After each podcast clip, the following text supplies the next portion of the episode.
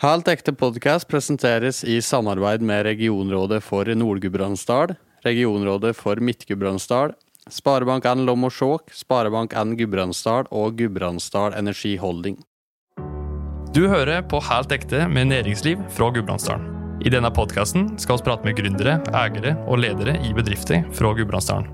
Mitt navn er Eskil Vassrud Vollberg, og dagens gjest er Tindegruppen.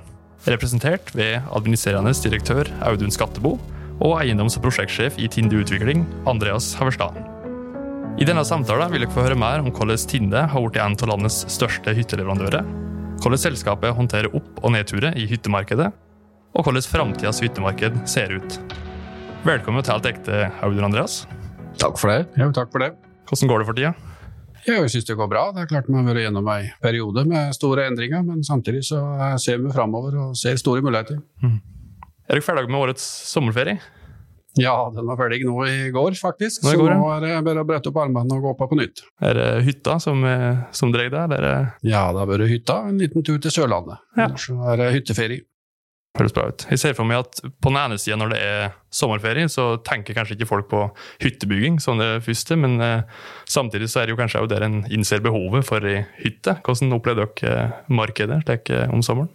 Ja, markedet stille i forhold til henvendelser, men samtidig så er det som du sier, det er både sommerferie, høstferie, juleferie, påsk, påske. Det skaper nye drømmer. og Det er viktig at folk eh, får tida til å slappe av og bruke deg, og da, da kommer drømmene som de kan begynne å tenke på å investere i hytte. Mm. Nå er også så heldig at vi har to gjester i studio, første gang i, i denne podkasten. Så jeg tenkte vi skulle starte litt med å bli litt bedre kjent med dere før vi eh, går i gang. Dere sitter jo begge som en del av Tinder-gruppen, eh, som er konsern, eh, som bl.a. i 2020 eh, bygde omkring 220 hytter. Dere har aktivitet i store deler av Norge, òg litt i utlandet, eh, tror jeg. Og så har dere et uttalt eh, mål om å bygge varige verdier for kunder og bedrifter. Hvis vi starter med det, Audun. Eh, først og fremst, eh, kunne du prøvd å ti oss igjennom i grove trekk eh, oppbygginga av eh, Tinde-gruppen? Ja, eh, er et datterselskap av Gründer Konsult, som er familieeide selskap eh, fra Harpefoss. Som har forstått MHEG, og som en Andreas er en del av der. Eh, Og så er det under Tinde-gruppen så er det hovedsak eh, to områder vi driver med. Det er hyttebygginga, og så er det tomteutviklinga. Og det er Tinde Hytter AS som all bygging foregår i. Der har vi også i tillegg et datterselskap med, med Tinde Mur, og så har vi fem salgskontor både på Hellerud, Sandefjord, vi har på Beitstølen, vi har i Stryn og vi har i Trondheim. Og så eh, har vi Tinde Utvikling AS, som står hovedsak for eh, tomteutvikling, i tillegg til at vi har organisert eh, konsept- og prosjektutviklinga der som en, som en Andreas leder. Og eh, totalt sett i gruppen, med datterselskap og Tinde Utvikling, Tinde Hytter, så er vi da 19 selskap. Og du sitter som øverste sjef, administrerende direktør i, i Tinder-gruppen? Ja, jeg sitter som administrerende direktør i Tinder-gruppen. Hva er på en måte dine hovedansvar? Nei, det kan vi si at det blir alt, da. Mm. Men det er klart, nå har jeg, begynt som administrerende direktør i Tinde Hytter i, eh, i 2011. Og så, og så var det 2020, så, så fikk jeg et utvidet ansvar for, grupp, for grupp, gruppen. da. Og du Andreas, det er vel riktig å si at du har en litt annen inngang i selskapet enn en eh, Audun har? Ja, jeg var født inn et annet sett. Ja, nettopp. Kan du forklare hva du eh, tenker på da? Nei, altså jeg, jeg er oppvokst i det der. Mm. Eh, Det er jo eh, en eh, bestefaren Øyvind som er gründer og starta opp i 2002. Mm. Så eh, har jo liksom eh, vokst opp med hele livet. Mm. Jeg var jo født i 99, så jeg kommer ikke ihåg så mye annet enn at de har drevet med det der. Men eh, pappa har jo jobba inn i bedrifta eh, hele veien, så det er jo liksom både eh, interesse og dømmer som jeg har jo dreget seg mye om dette der, og jeg har jo senere blitt nokså bra engasjert. da. Mm. Regner med det har vært noen gode diskusjoner rundt eh, frokostbordet en gang imellom. Og, Ja, både gode og dårlige greier. um, som du sier, så, eh, altså, Tinde ble jo starta i eh, 2002. Eh, da var ikke du gamle gutten, men i dag så sitter du jo som eiendoms- og prosjektsjef i det som da eh, Audun sier eh, heter Tinde Utvikling. Mm. Eh, hva innebærer den rolla? Nei, eh, altså i Tind-utvikling da, så har jeg jo litt delt ansvar. Jeg, jeg sitter jo litt overordna på den tomteutviklinga vi driver med. Eh, og, og for, både fra faser der vi skriver avtaler med grunneiere på ubygd mark, kan du si, fram til egentlig at vi har ei ferdig hytte eller ei ferdig leilighet. Og så er det jo alltid litt like i i familieselskap så blir det jo litt potetroller. Så jeg uh, driver og sparer litt mot uh, vært med på fabrikketableringer uh, på Vinstra og engasjert meg der, og òg andre litt aktive roller, da. Mm. Det er jo tema som jeg gleder meg til å høre mer om. Sea. ja, jeg tenkte å skulle prøve å gå gjennom litt historie av selskapet, og da er det selvsagt naturlig å starte med, starte med starten. Um, Tinde er jo i selskap som har rødt og til 1968, da som en del av Hortenhus. Og så ble det Skjørdfrå eh, i 2002. Hva var eh, tanken den gangen med å skille fra eh, hyttesatsinga og, og, og skape det som da ble Tinde?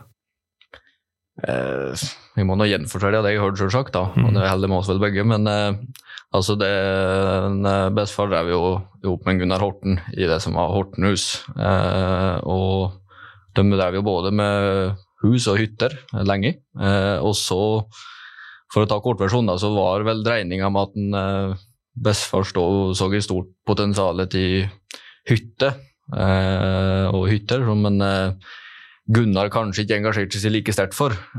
Og etter mm, lange forhandlinger en Gunnar er jo ikke en uh, kjapp kar. så uh, Etter lange forhandlinger så ble de jo enige om at en uh, bestefar kjøpte ut hyttegrena fra Hortenhus. Og uh, det er jo det som er da, grunnlaget i dag for Tinde-hytter. Mm. og det har jo gått bra. Det har i hvert fall. Og med dette nye satsingsområdet så kommer jo det nye navnet, Tinde. Mm. Hva er bakgrunnen for det, det navnet? Nei, jeg har ikke hørt noen god historie på det, eh, men det, det er nok litt så mye annet av det både oss og bestefar driver med, at det, det dukka litt tilfeldig opp. Jeg tror historien på det er at en bekjent av som bare nevnte en bisetning i et familie eller i, middagsselskap, og så trigga han på det, og da ble det det. Mm. Det passer jo veldig godt da, med tanke på Gudbrandsdalen. og Det er jo en del tinder rundt omkring her. Er enkelt skrudd i hop. um, Ja, Som nevnt litt, andre, så er det jo bestefaren din, eh, Øyvind Averstad, som starta med, med hytta. Um, og i dag, 20 år senere, så forstår jeg som at den fortsatt er en uh, aktiv del av bedrifta. Um, hva betyr det for dere å ha med dere en som på mange måter har sett uh, markedet gå både opp og ned, og har med seg så mye, mye erfaring uh, i bagasjen? Det har vært viktig, det. Altså det, det, er klart, her vet vi uansett, så kommer det opp- og nedturer gjennom his, historien. Det, det vet en uh, Øyvind, det opplevde han særlig da han begynte i Hortenhus, først på 90-tallet. Da var det virkelig nedtur i bygginga. Og det er klart, det, slik vil det være nå og framover òg, at det kommer opp- og nedturer. Og den erfaringa som eh, jeg har jobba med Norvin i over ti år nå, og, han, og som jeg har fått hørt mange diskusjoner rundt dette. Det er klart det, det er viktig å ha med seg i bagasjen når man klarer seg langsiktig framover òg, så må man tåle det å møte opp- og nedturer. Mm. Ja, for jeg ser for meg at med så mye opp- og nedturer, så er det eh, kanskje lett å bli stressa hvis en ikke er vant til på en måte den eh, svingninga i, i markedet. Ja, Hvis en ikke er vant til det, så blir en fort blind. Så man, men så må en klare å tenke, tenke to steg framover, hva som skjer og hva som kan skje. og Det er klart det er viktig å ha med seg det i, i med, så vi ikke blir stressa i slike situasjoner da, og klare å håndtere det når det kommer. Da. Hvis vi eh, tenker litt på gründeren, eh, Øyvind Haverstad. Eh, dere jobber jo tett med en eh, to, Eh, hva tenker dere er de viktigste egenskapene som han gjorde seg nytte av i, i startfasen av eh, Tinde hytter? Nei, Jeg tror han uh, så muligheten, som Andreas var innom her. altså Da han, uh, da han uh, ble enig med Gunnar og, og etablerte dette selskapet på egne, på egne føtter, så var han så var han ikke noe ungdom da heller. Altså, han var, var, vel rundt 60 år da. og Det er klart det å, det å se mulighetene som lå i et hyttemarked framover 2000-tallet og videre fram til i dag, det er klart det, det så han. Og, og samtidig så, så, klarte han å se langsiktig. altså Denne tomteutviklingsdelen som må drive med det, og det å være med fra starten av. Der er det langsiktige avtaler som, som ligger i bånn, og som, som, er med å bygge opp under hele den utviklinga som har hatt. Mm. Jeg vet egentlig Det er litt interessant det du sier, der, Audun, med at en, en var jo eh, altså en er vel 80 år. Eh, Den var 59 noen eh, ja, kjøpte, når den startet. kjøpte uten grunn. Ja, jeg tenker Det er jo, det, det vitner jo om en, en, eh, å ha en spesiell drive. altså En, en må ha vært drevet av et eller annet som, som tok den, eh, den satsen på et tidspunkt der eh, mange helt sikkert hadde hatt helt andre tanker enn å starte i slik eh, type satsing. da. Men eh, en har en unik evne på, og det er i arbeidssammenheng, men det er på alt annet at en, en ser ikke utfordringa. Mm. Eh, Det er en eh, unik, og så er en eh, vært fryktelig god på å tenke langsiktig og ha et langsiktig perspektiv. Mm. Og klart det, det er jo en god støttespiller inn på slike svingninger som vi har vært i nå. Det, det er jo hvis vi klarer å nå så mulighetene som ligger framfor oss, i stedet for å eh, være nervøs, så er det jo kanskje det som er størst vinning på òg. Mm. Men eh, det er jo ikke så litt å eh, ta store investeringer og nå bygge ut eh, felt i 30 millioner samtidig som oss eh, sier nå at vi ikke selger eneste tomt, kanskje, eh, som oss omtrent gjorde i fjor høst. Mm. Allerede i 2006, etter at dere da hadde ca. 40 millioner i 2002, så når dere omsetning på over 100 millioner. Em, hva tror dere var de viktigste ingrediensene for den raske veksten som dere hadde de, eh, de første åra der, fra ja, 2002 og, og noen år framover? Jeg tror nok eh, noe av den eh, viktige ingrediensene der var nok den framoverlente holdningen så muligheter som det hadde med seg. Og så var det med var det med kompetanse fra Horten. altså Det er flere som er ansatt i dag òg, som, eh, som jobba med Nøyvind i den tida i Horten, og som ble med over i den nye etableringa. Det er klart den kunnskapen, og, og ikke minst hos snekkere, håndverkere som var med, altså som, eh, som jeg tror var veldig viktig den tida der, som, som folk eh, setter pris på. Mm. Og så Hvis vi eh, hopper litt fram i tid, da, og 2011. Da ble du, Audun, eh, ansett i Tindytter. Eh, du kom bl.a. fra en bakgrunn i, gass- og landhandleri, eh, og tok da stedet inn i, inn i hyttemarkedet. Hvorfor var det du syntes det var interessant å komme til uh, Tinde og prøve det nye, det nye markedet? Ja, som du sa, jeg hadde en bakgrunn for gass- og landhandel de siste fem, fem åra da. Og før det så var det en helt annen bakgrunn fra landbruksbransjen. Eh, det som trigga meg, var nok den lederrolla, altså den ut, utviklingsmuligheten eh, som, som jeg så å kunne ligge i det selskapet her. Eh, så fikk vi gå litt overfor den eh, marked- og salgsbakgrunnen som vi hadde hatt, da, som eh, Tinde etterlyste. Mm. Jeg kunne tenke meg å høre, Andreas, hva tror du en, Øyvind så i Audun den gangen han ble ansett? Nei, da må jeg nå ta det litt på egen erfaring med Audun, men det er imponerende hvor arbeidsvillighet og stå-på-viljen har. Det er jo ikke mange jeg kan uh, ringe opp når jeg vil på døgnet, Mm. men en Audun er vel den tid for. da. Og så har han en uh, unik evne til å tilnærme seg folk, men uh, havner aldri i konflikter med ansatte. Han er utrolig godt likt i organisasjonen, og det, er klart det er viktig når du skal være eh, sjef over lengre tid. Mm. Og eh, det har ikke vært noe turbulente forhold med en ansatt i det hele tatt. Hoppe enda litt videre fram i tid, i 2016. em, Da etablerte dere et samarbeid med Norgeshus eh, og skapte det som ble Tinde bolig. Hva var tanken bak den etableringa? Nei, Vi så nok da, eh, for da hadde vi noen år eh, bygd boliger, bl.a. i Oslo-området, Oslo eh, og, og så en mulighet i boligmarkedet. Eh, Så det så tok vi steget ut og etablerte Tinde Bolig da, som eget selskap i 2016. Og skulle prøve å reindyrke da, de to organisasjonene. Og samarbeidet som sagt med eh, Norgeshus. Mm. Em, et samarbeid som ble avslutta i 2018. Em, da dere valgt å, å, å stå på egne, egne føtter. Em, hvorfor var det et riktig valg for, eh, for dere på det tidspunktet? Nei, men sånn det, altså, hadde hatt, eh, det er noe med grunntankene som lå i eh, Tinde Hytter, eh, som hadde ligget der hele tida, både driftsmessig og organisasjonsmessig. Så så vi det at vi lykkes ikke så godt som vi ville med Tinde bolig. Og, og derfor så, så ville vi da få, få mer kontroll over det som skjedde der, og, og få det mer i eget hus. Da. Og det gjorde noe, og resulterte også i at vi samla organisasjonen til 2019 eh, i forhold til drift og i forhold til, i forhold til eh, å dra nytte av de gode erfaringene vi har hatt i Tinde Hytter. da. Jeg ser for meg når dere har eh, en boligsatsing, eh, samtidig som dere driver med hytta, så er det jo en del overlapping i form av kompetanse som brukes på både områder. Men eh, på hvilken måte vil dere si at de turneringene er forskjellige fra hverandre?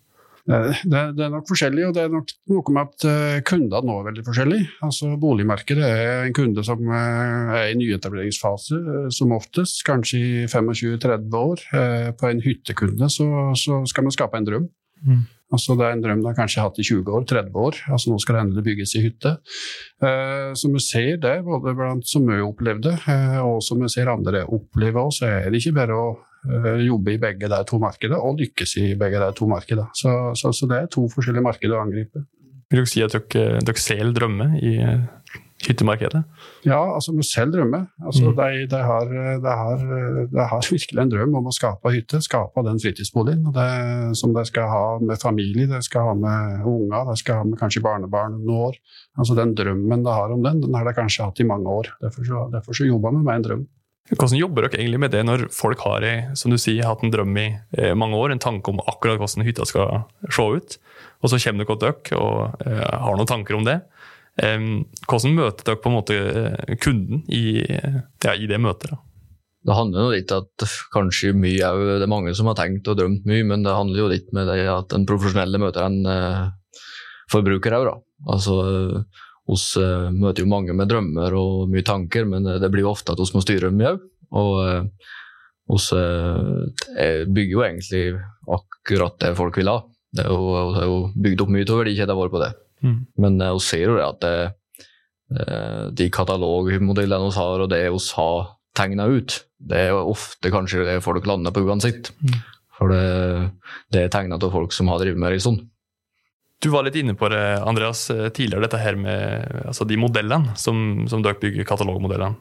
Um, og det er jo åpenbart noe dere er flinke på, for i 2018 så vant dere årets hytteprosjekt for en modell som heter Danebu.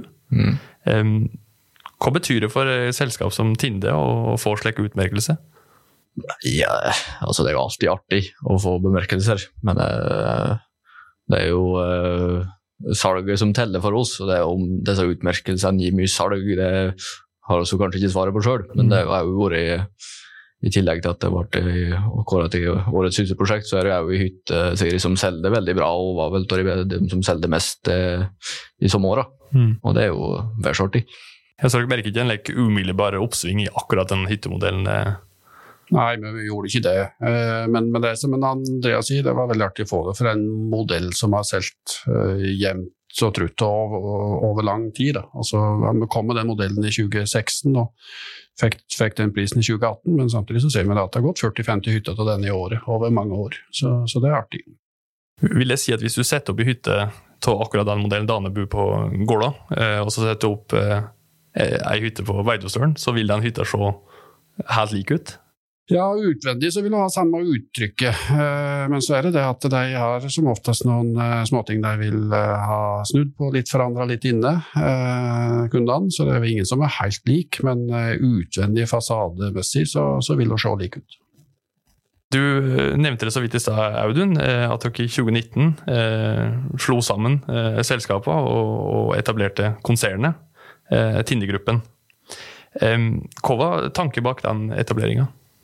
Ja, Det var nok for å eh, samle eh, ja, både dette med Tinde bolig eh, gikk inn og da endra nå Tinde bygg navn til Tinde Hytter AS. Så når Tinde bolig ble etablert, men da slo vi det sammen der. Det var for å samle troppene på bygginga særlig. Og så, så var nok det for å få en ledelse felles for gruppa, og, og langsiktig tanke er nå da kanskje at gründer kommer til å ha kanskje andre greiner som de da vil, eh, vil investere i. da. Mm. Det kommer jo ei tid eh, rett etter etableringa av eh, konsernet. Eh, hvis vi prøver å tenke oss tilbake til ca. den 12. mars 2020 eh, Det var rett etter at eh, landet hadde lukka ned. det var pandemi og korona. hvordan så dere på framtidsutsiktene for hyttemarkedet på det tidspunktet? Den helga den husker jeg veldig godt. For da var det hardt tankespinn. Hva er det som kommer til å skje nå? Og det er klart, det var, det var, ikke, noe, var ikke noe enkelt svar på det. Altså, alle visste nærmest ikke hva som venta oss i, i neste, rundt neste sving her. Mm. Uh, men uh, jeg tror vi gjorde noe lurt. Altså, det var, ble en ekstrem periode uh, for organisasjonen òg, men det er klart vi vi gikk vi på og brukte alle nøkkeltallene våre fra, fra hjemmesidetrafikk, aktiviteter, øh, og fikk egentlig svar øh, veldig fort at her er det faktisk et marked. Uh, så, så, organisasjonen fikk med, med permitterte ingen. Vi jobba, på, jobba, veldig tett med utviklinga i markedet den nærmeste uken, måneden da. Mm. Så jeg må ærlig innrømme det at det var noen, som sveita litt, for det var heftig rapportering hver uke. Ja og flere ganger i uken, faktisk.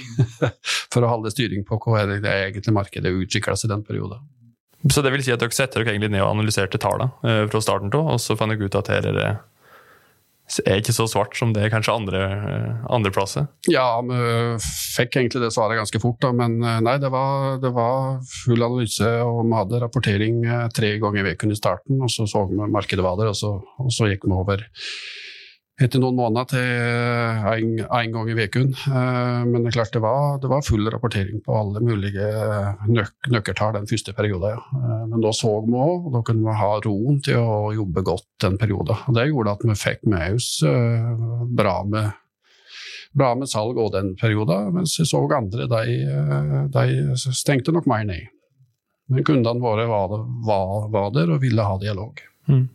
Hva for noen langvarig effekt ser dere fra den tida, eh, som, eh, som, dere tror kommer til å vedvare eh, i noe tid framover? Ja, jeg, jeg, ser nok det at det vil fortsette å, å, og holde seg. Altså den med interesse for fritidsbolig her i Norge.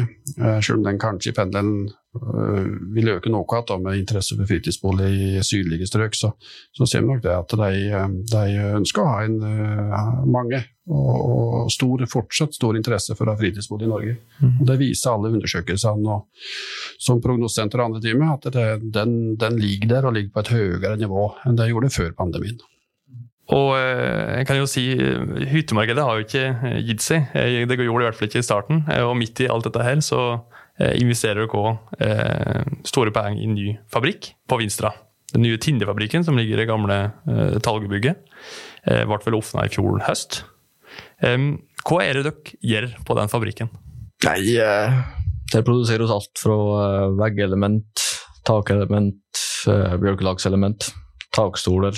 Har òg en del logistikkfunksjoner der for varedistribusjon. I hop med at vi òg har noe hovedkontor der på småbygg. Mm.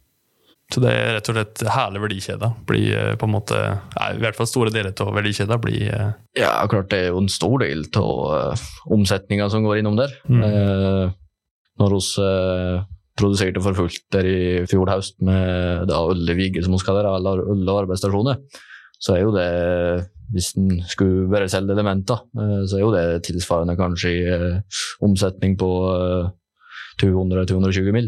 Så klart det er jo en betydelig bedrift bare det. Og hvorfor var det et, eh, for dere på en måte et riktig strategisk grep da, å flytte hele produksjonen til Vinstra på den måten? Så hadde vi lenge hatt ambisjon om å få samla fabrikken. Eh, og det var jo noe som var diskutert over lengre tid.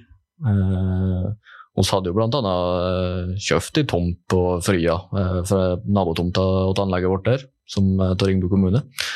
Og ambisjonen lå jo der at vi skulle utvide der på sikt. Eh, og så uh, var det vel uh, en uh, Bjarne Slapkål som først kom med den Han som er gal nok til å komme med ideen med at hun skulle kjøpe bygg på 20 000 kvadratmeter. Og ballen rulla jo fort, da. Og hun så jo det at hvis vi skulle få samme potensial, eller altså hvis vi skulle nærme oss samme potensial med å utvide bygningsmasse på Frya, så var jo det større investering enn det vi har gjort, selv om det med det er jo voldsomt med det å se opp Lundstrøm.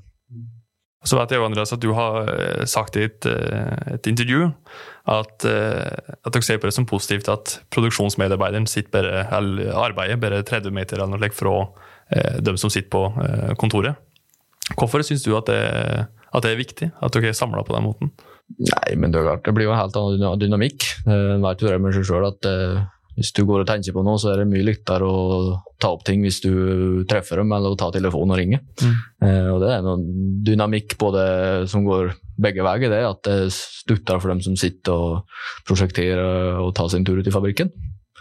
Og så er det jo Det blir jo litt muligheten for å sette tøffere fokus på ting, da. Eh, og når en først tar en ny etablering, slik, så blir det jo ofte at en, eh, en ser på mye forskjellige eh, muligheter, og òg at en kanskje da drar opp elementære ting som en kunne eh, sett på tidligere, men som en, som en uh, blir på agendaen da, når en har det veldig oppe, opp, høyt oppe der. Mm.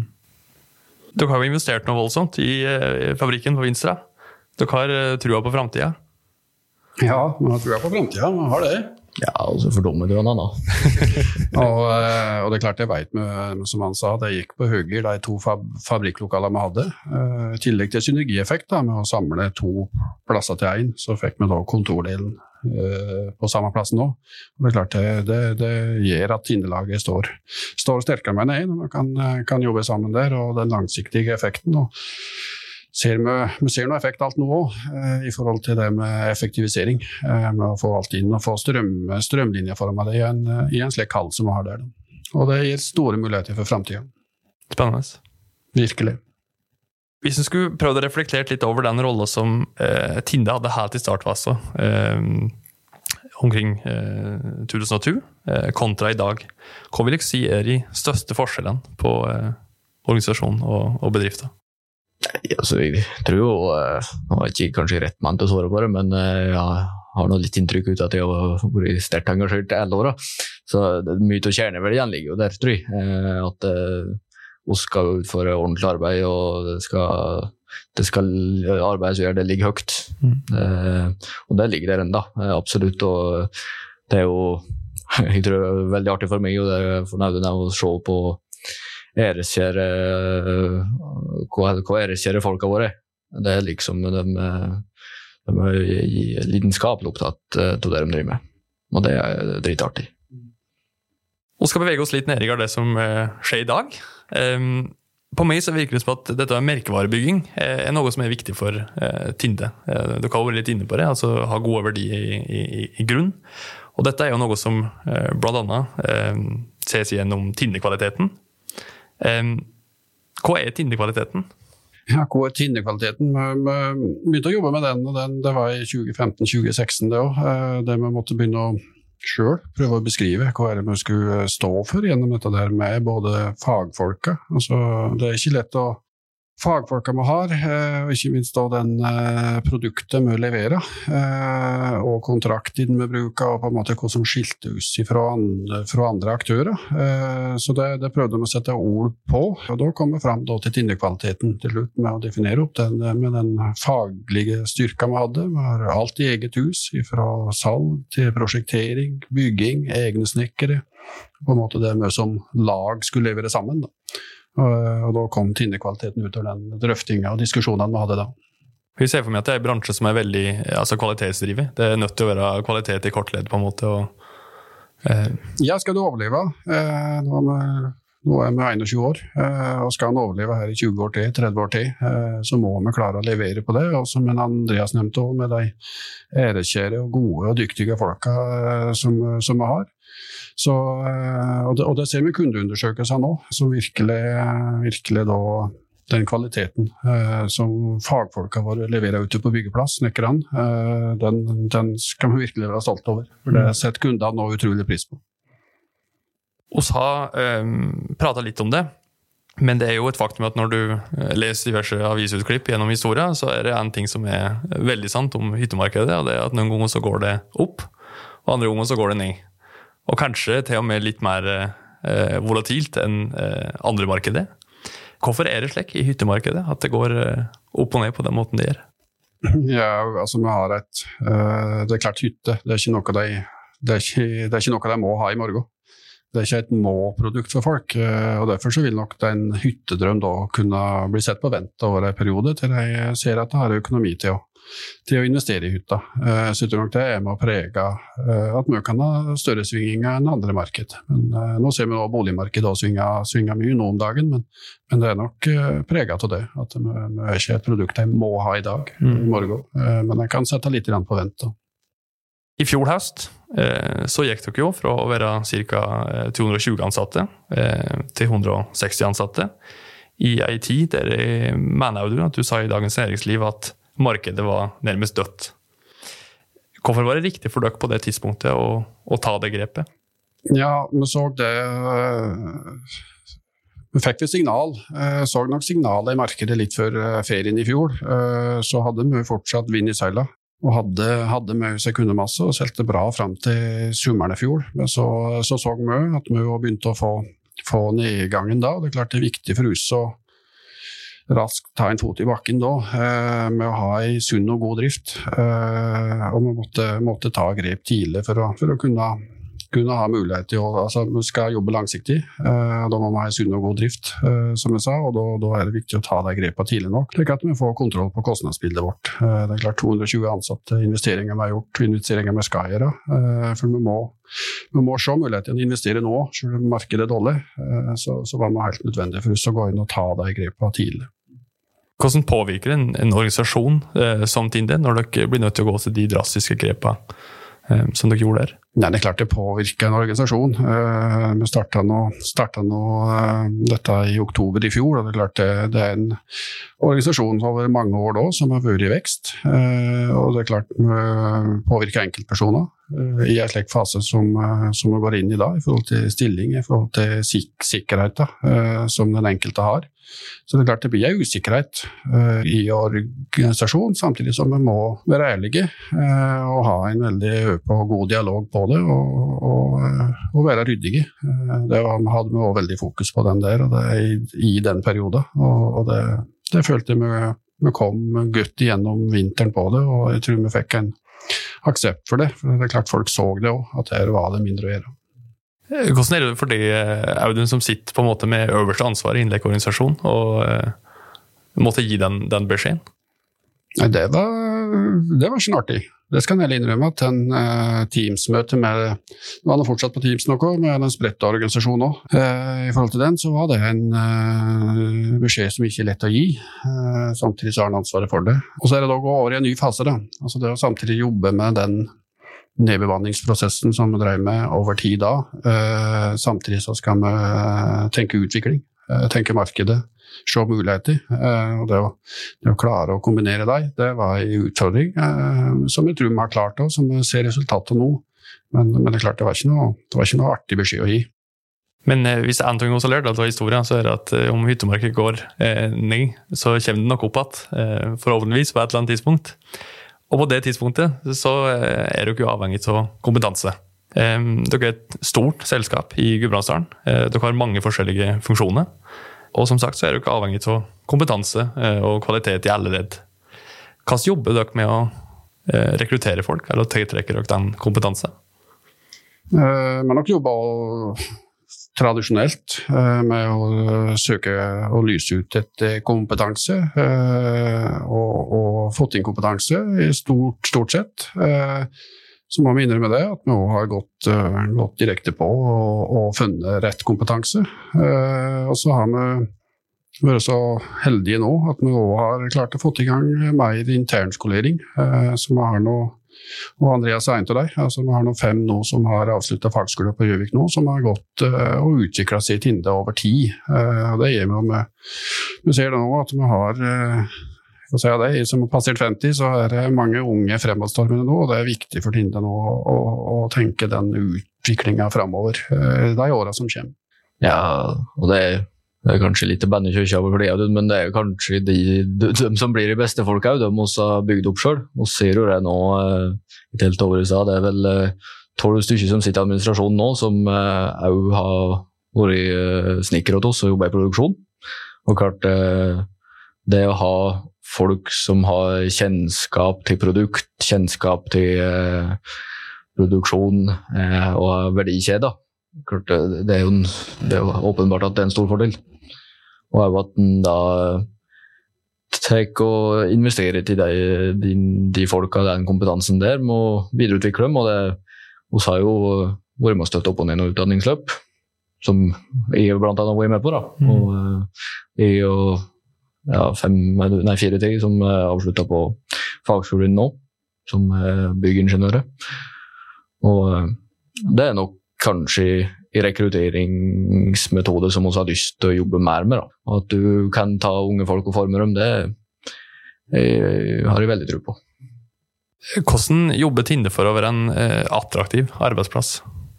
Så tror vi har jobba godt med miljøet, altså arbeidsmiljøet. Eh, det, det ser vi. Vi har noen medarbeiderundersøkelser også, eh, som, som vi har hatt og, og gjennomfører over flere år. Og, det er klart vi ser at det, det med den trivselen altså Trivsel er viktig for folk. Vi bruker veldig mye tid på jobb, og det å være, være en del av den det Tindelaget tror jeg vi har klart å lykkes med. Uh, så har det vært en utfordring nå i den, uh, i den koronaperioden. Uh, det merker jeg sjøl som leder, da, i forhold til det å, det å ikke ha organisasjonen rundt seg på samme måte.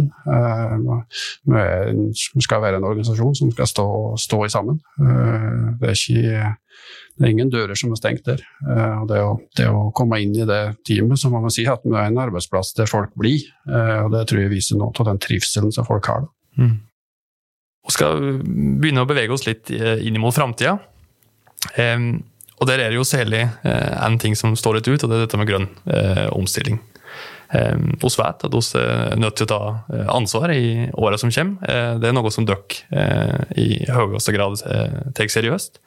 Blant annet så vet jeg dere på hjemmesida deres skriver at dere i løpet av 2023 ønsker å senke energibehovet med 90% hva er det dere mener med, eh, det, og hvordan eh, har dere tenkt dere til å, til å, gjøre det? Det er sikkert knytta til eh, fabrikken på Vinstra når du sier 90 eh, Nei, der har vi jo nå satt i gang med investeringer på i overkant av 10 millioner for å eh, både få ned eh, energiforbruk der, og òg selvsagt få ned kostnader. Men eh, så der har vi både investert, til, eh, også investert i bergvarme som oppvarming. Vi har bytta ut mye lys, lysarmaturer. Og så skal vi òg få på plass solceller på taket. Og det er jo selvsagt i løft som, som vi gjør for å få ned kostnader. det skal jo være bærekraftig, da er det jo i økonomisk perspektiv der òg. Men det er jo ikke noe investering som hadde kommet til å sette på børsen. Med at vi investerer 10-12 millioner og skal spå en 800-900 kWt i året. Mm. Det, er jo hos har mer lukrativ investering vel det, men det er klart det er viktig å ta i standpunkt inn i at vi er med på omstilling òg. Mm. så det er jo en av tingene vi jobber med. Og vi ser jo òg selvsagt på dette med Eh, hytter, hyttemodeller. Eh, kan, kan oss få ned avtrykkene der på, på eller, energiforbruk, men òg avtrykkene i byggeprosessen. Eh, kan, vi rasjonalisere egentlig byggeprosessen? Kan flytter flytte mer inn på fabrikk der vi har bedre kontroll, bedre utnyttelse av råvarer? Og så er det òg dette som òg kanskje er veldig eh, tema om dagen, dette er jo med nye inngrip i naturen kan, kan en eh, gjøre det på en bedre måte så det blir mindre inngrip. Eh, Utnytte areal bedre. Og uh, det er jo noe som er høyaktuelt, som vi jobber mye med.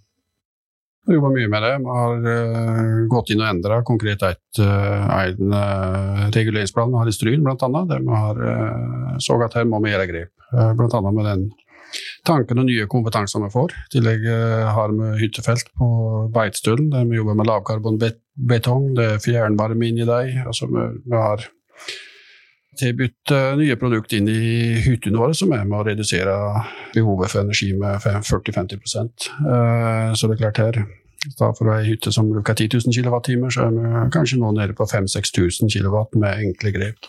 Ja, for dere, eh, altså, dere har jo ti en del grep. Dere tilbyr eh, grønne løsninger for dem som bygger hytte òg. Altså, solceller, varmepumpe, smartoppladning smart oppladning eh, eller oppvarming. Eh, merker dere at det er viktig for deres kunde at dere tilbyr den type løsninger? Altså Er det et, eh, et behov for det i markedet? Ja, vi merker det at de er opptatt av, selv den siste tida, med de eh, galopperende strømprisene som har vært og, eh, går opp og ned, så merker vi det, at de er ute etter det, samtidig som de er realistiske i forhold til da og, og, det er klart Når de får litt svar på hva en ny hytte i dag har til energiforbruk, samtidig som de da ser hvor, hvor, raskt jeg kan ta den store gevinsten da, med varmepumper og med noen andre grep, så, så, så, så blir de fort roligere. rolige. Det er veldig få som kommer og spør etter nullvisjonshytta, men at jeg da kan ta de fornuftige grepene, det, det, det, er det mange som spør etter. Hva ser framtidas hyttemarked ut? Jeg tror nok vi kommer til å bygge hytter. Eh, vi kommer til å restaurere mange hytter. Eh, kanskje bygge nye hytter der det har stått ei hytte før. Eh, samtidig så, så, kommer vi til å se en endring i forhold til destinasjonsutvikling. Mer varme senger, mer delingsøkonomi, mer konsentrert utbygging i de destinasjonene som blir bygd ut. Vi kommer til å se nye konsepter rundt destinasjoner oppi her. som som kanskje er skapt rundt hyttebygging med servicefunksjoner ellers på destinasjonene. Mm. Du nevner deløkonomi. Eh, jeg vet at det bl.a. i Kvitfjell har vært et eh, prosjekt på gang eh, med type timeshare-hytte. Altså litt på en sånn måte som med, fritidsbolig i, Spania og rundt omkring. Så kjøpe flere hytter i hop og dele tida seg imellom. Er det noe dere ser for dere, at det kommer til å bli større i tida framover? Ja, altså Timeshare har vi prøvd før, men det som er dette konseptet som er Kvitfjell, det er Hamlet som har lansert der. da. Eh, og de har faktisk akkurat signert i samarbeidsavtale med. Så det er jo, det er jo spennende konsept. Det konseptet dømmer seg jo at de bygger luksushytta til 20-25 mil som skal deles på åtte andeler. Der de eh, selger eh, andeler på 3-4 mil. Og klart, det kan jo være en inngang for folk nå som vil ha hytte på Kvitfjell f.eks. Og på sikt så kan det jo bli enda vanskeligere å få tilgang på ressursene vi har i fjellet. Mm. Og spesielt de type hyttene der som er store hytter. Og så er det vel òg en mulighet til å få uh, hyttene brukt, uh, altså at de ikke blir stående tomme i, i, lange perioder, hvis det er flere som deles om det. Ja, det er vel viktig. Uh, samtidig som vi ser kunder i som har hatt 100 døgn på hytta i året. Mm. som er. Så, så, mange bruker hyttene mye. Det, og det ser vi. samtidig som sier, det kan være andre løsninger her på å få delingsøkonomien til å fungere. Da, med å få mer varme senger. Så vet jeg òg at dere jeg tror jeg satt på vent, men dere hadde et prosjekt med noe fritidsbolig i sentrum. Altså ta hyttenæringa rett og slett litt eh, ned fra fjellet, og eh, f.eks. Eh, her i Ringbu bygge fritidsbolig her. Hva ser dere på framtida for, for de planene? En spennende tanke. og Det, så ble det sett litt på vent, som du sa. og Det er I6-avklaringene rundt Ringebu som, som, slik sett setter det på vent. Så, så er det en spennende, spennende tanke hvor, hvor folk tenker rundt det, eh, med markedet vil. Eh, kombinere det med mer bolig, kanskje, og, og hytter. Eh, så, så, absolutt. Og det ser vi er en diskusjon i flere fora, det å dra hyttebygginga mer ned i sentrum. Da. Og Det ser vi har skjedd i andre land, og så blir det spennende hvordan vi kan få det til å fungere i, i, Norge og rundt de destinasjonene som er her. Da. For det er klart jeg vil lå på fjellet og bruke skiløyper og alpinanlegg og de fasilitetene. Mm. Um, nå nevner du andre land, og det er jo et faktum at vi er i periode med uh, uvanlig svak uh, norsk krone. Hva betyr det for et selskap uh, som Tinte? Merker dere det på aktiviteten fra utlandet? Vi merker det, og det er kanskje et av de tingene vi òg har tatt grep på. Det er klart Han skal tenke nytt, man skal tenke ut utvikling, og i 2020 så, så fikk vi faktisk avtale med eh, to, et ektepar fra Tyskland som bor i Düsseldorf-området, som har jobba for oss nå i det tyske markedet over de siste tre, år, åra. Det er klart det, de har hatt eh, bra med, bra med, salg, både i koronatida og ikke minst nå. Så, så merker jeg pågang nå fra andre som ønsker å bygge hytte her i Norge. Som har bygd hytte på Nordvestlandet, og Gålå og Kvamsfjell og, og, flere plasser nå til tyske kunder. Mm. Vi skal begynne å bevege oss litt mot uh, eh, avslutninga her, men jeg kunne tenkt meg å spørre dere um, hva er suksess for dere i, i Tinde? Det er å få noe til å skje. Mm. Noen sier at uh, en har fått til noe som eh, står der i praksis, eller at du har fått til noe som eh, du ser resultatet av. Da han lykkes. Jeg ser for meg jo en ganske god følelse å kunne kjøre gjennom fjellområder rundt omkring og peke på annenhver hytte og si at den er hos bygd og den er hos bygd. Ja, det, jeg hadde hos ansatt en ny prosjektleder nå som hadde første dagen sin i dag. Og eh, jeg tok jo han med på en obligatorisk tur opp i eh, Varden oppe i Kvitfjell. Eh, og hvis han finner Tindelandet, som vi pleier å kalle det der, da, der har vi jo eh, på nå ti helt år bygd eh, opp og ned 100 hytter. Og klart, eh, det er med stolthet det eh, kjører gjennom der og ser hva han har fått til. da. Så vil jeg inn på dette med å ha en visjon her. Vi skal skape varige verdier. Eh, og det er klart Da skal vi utvikle, utvikle firmaet. Vi skal bygge, bygge, tenke nytt. Vi skal tenke utvikling framover. Eh, og vi skal utvikle ansatte. Eh, og så er det da i tillegg å være nytenkende og, og se etter nye, nye forretningsområder. Det er klart det har vi òg måtte gjort noe i den tida vi har vært i. og Det ser vi alt resultatet av nå. Da, med, det hadde vi basert ut kun på hyttesalg nå de siste sju-åtte månedene. Så, så, hadde det ikke gått så bra som har klart nå første halvår nå i 2023. og det, Der hadde vi klart å komme inn nå både på leilighetsmarkedet og vi har, vi har, nye ting på gang med produksjon inne i fabrikken vår på Vingstra som blir veldig interessante. og det er at eh, en liten nedgang i hyt, hyttemarkedet og viser at vi kan skape nye muligheter. Mm. Hvor er Tinde om 20 år? Nei, for, uh, for, min del så vil jeg si at vi skal fortsatt være et av de ledende norske hytteleverandørene. Uh, vi skal være aktive på uh, tomteutvikling. vi vil nok være sterke inn der fortsatt, samtidig som vi vil ha en fabrikk på Vingstra som virkelig har utnytta sitt potensial, og det, det er stort. Så, så, for jeg ser bare muligheter, samtidig som vi helt sikkert har sett noen nye forretningsmuligheter utenom ren hyttebygging og leilighetsbygging. Og så tror jeg vi har begynt noe mer eiendomsinvesteringer, Andreas, tror du ikke det? Ja, jeg regner med det. Vi ser jo dreininger nå med har drive med tomteutvikling noen år, og vi ser jo nå at prosjektet blir mer og mer avansert. Vi har har jo en stor tomtebank vi skal utvikle. Vi sitter jo sikkert på uh, 2000 ubebygde tomter uh, PT, som er i forskjellige faser.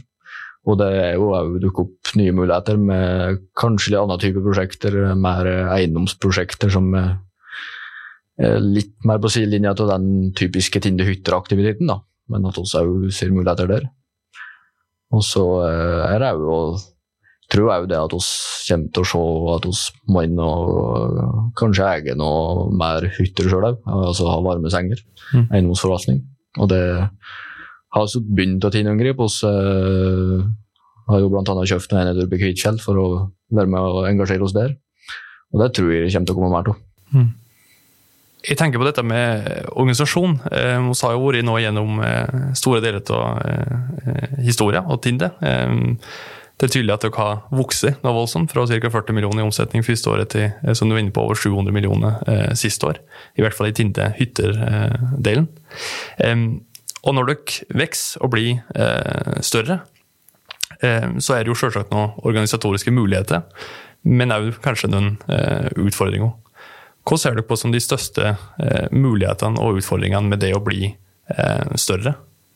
Altså det, det, blir større, og uh, så, så, kan det For det første kan man skape mer eh, spesialistroller uh, som kan trekke inn. Man kan uh, utvikle mer våre interne folk òg.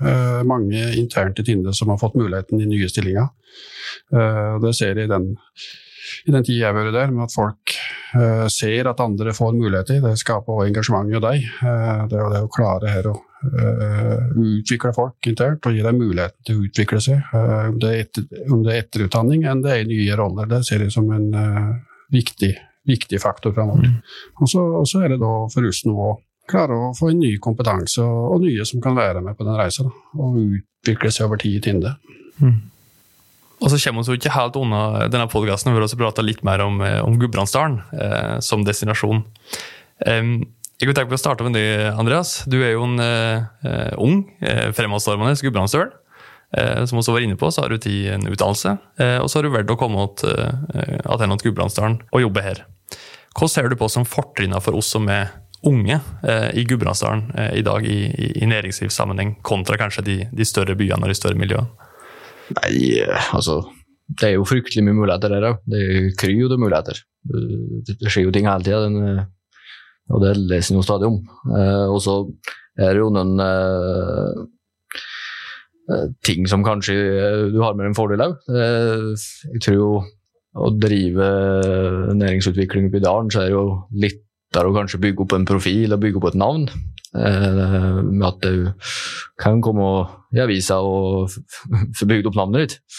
Så kan det sikkert høres litt flåsete ut, men det er det er litt viktig òg. Eh, du får en annen pondus eh, når du skal reise rundt på forhandlinger, eh, reise rundt og selge ei hytte eller hvor det nå er. Så er det viktig at du har et navn.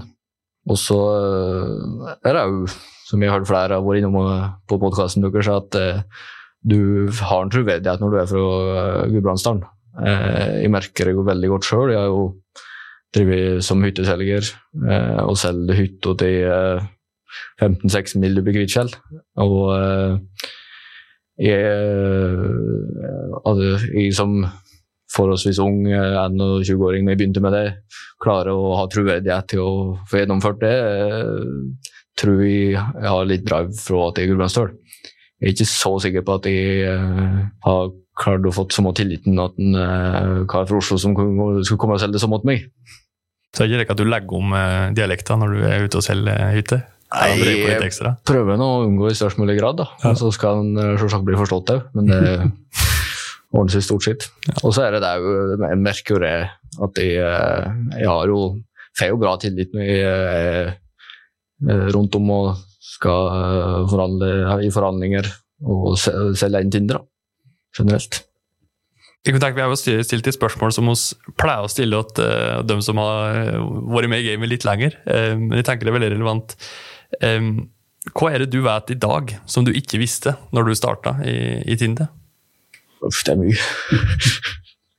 nei, eh, altså Det handler jo litt kanskje lære seg til at eh, ting ordner seg, og, og ha et litt avslappa forhold til det du, du, driver med. Altså, ting skal rulle hele tida, det er fryktelig mye saker hele tida. Altså, mye av jobben og det Audun eh, handler jo om å å løse problemer og utfordringer. Eh, det som går godt og ruller, det er ikke sikkert oss driver med. Og da er det kanskje eh, å lære seg til å evne til å gi litt faen om skade òg. Mm. Eh, I form av at du må klare å legge et år i ting for at du ikke skal ødelegge det òg. For det, det, er jo stort sett problem vi driver med. Mm. Og det, det er jo evnen til å klare å legge fra seg ting når du reiser fra arbeid eller og tenke at ting ordner seg, det tror jeg er viktig. Audun, du er jo eh, ikke gudbrandsdøl av fødsel, skulle du si. Du er jo eh, utgangspunktet fra, fra Valdres. Eh, hva ser du eh, som de store fortrinnene for næringslivet i, i Gudbrandsdalen? Eh, litt lekt sett fra utsida. Sett fra utsida, det kan jo det kan jo gå 20 år tilbake. Det er nå 22 år siden jeg flyttet opp her. Det er klart, jeg alt òg eh, så, så vi større muligheter for næringslivet her. og det, det i forhold til den både litt den størrelsen det hadde, men samtidig da den infrastrukturen som ligger rundt dalen her, eh, så, så mener jeg vi ligger veldig godt til rette for, med, E, med, med E6-en som går her, til korte avstander, til store marked. Så, så, så jeg mener eh, næringslivet generelt her har, har, store muligheter til å utvikle seg. Og, og det, det, er pågangsmotet og det er litt tankene og, og se mulighetene eh, som ligger her. Så, så, så, er det så er ikke noe hinder for å klare å utvikle næringsliv her i dag. Mm. Nå vet vi at en del som eh, hører på podkasten vår, som eh, kanskje sitter med en, en gründer i morgen sjøl, Eh, ungene Gudbrandsdøle. Vi skal også gi dem tips hvor, åt disse som sitter der ute og hører på. Hva ville dere sagt da?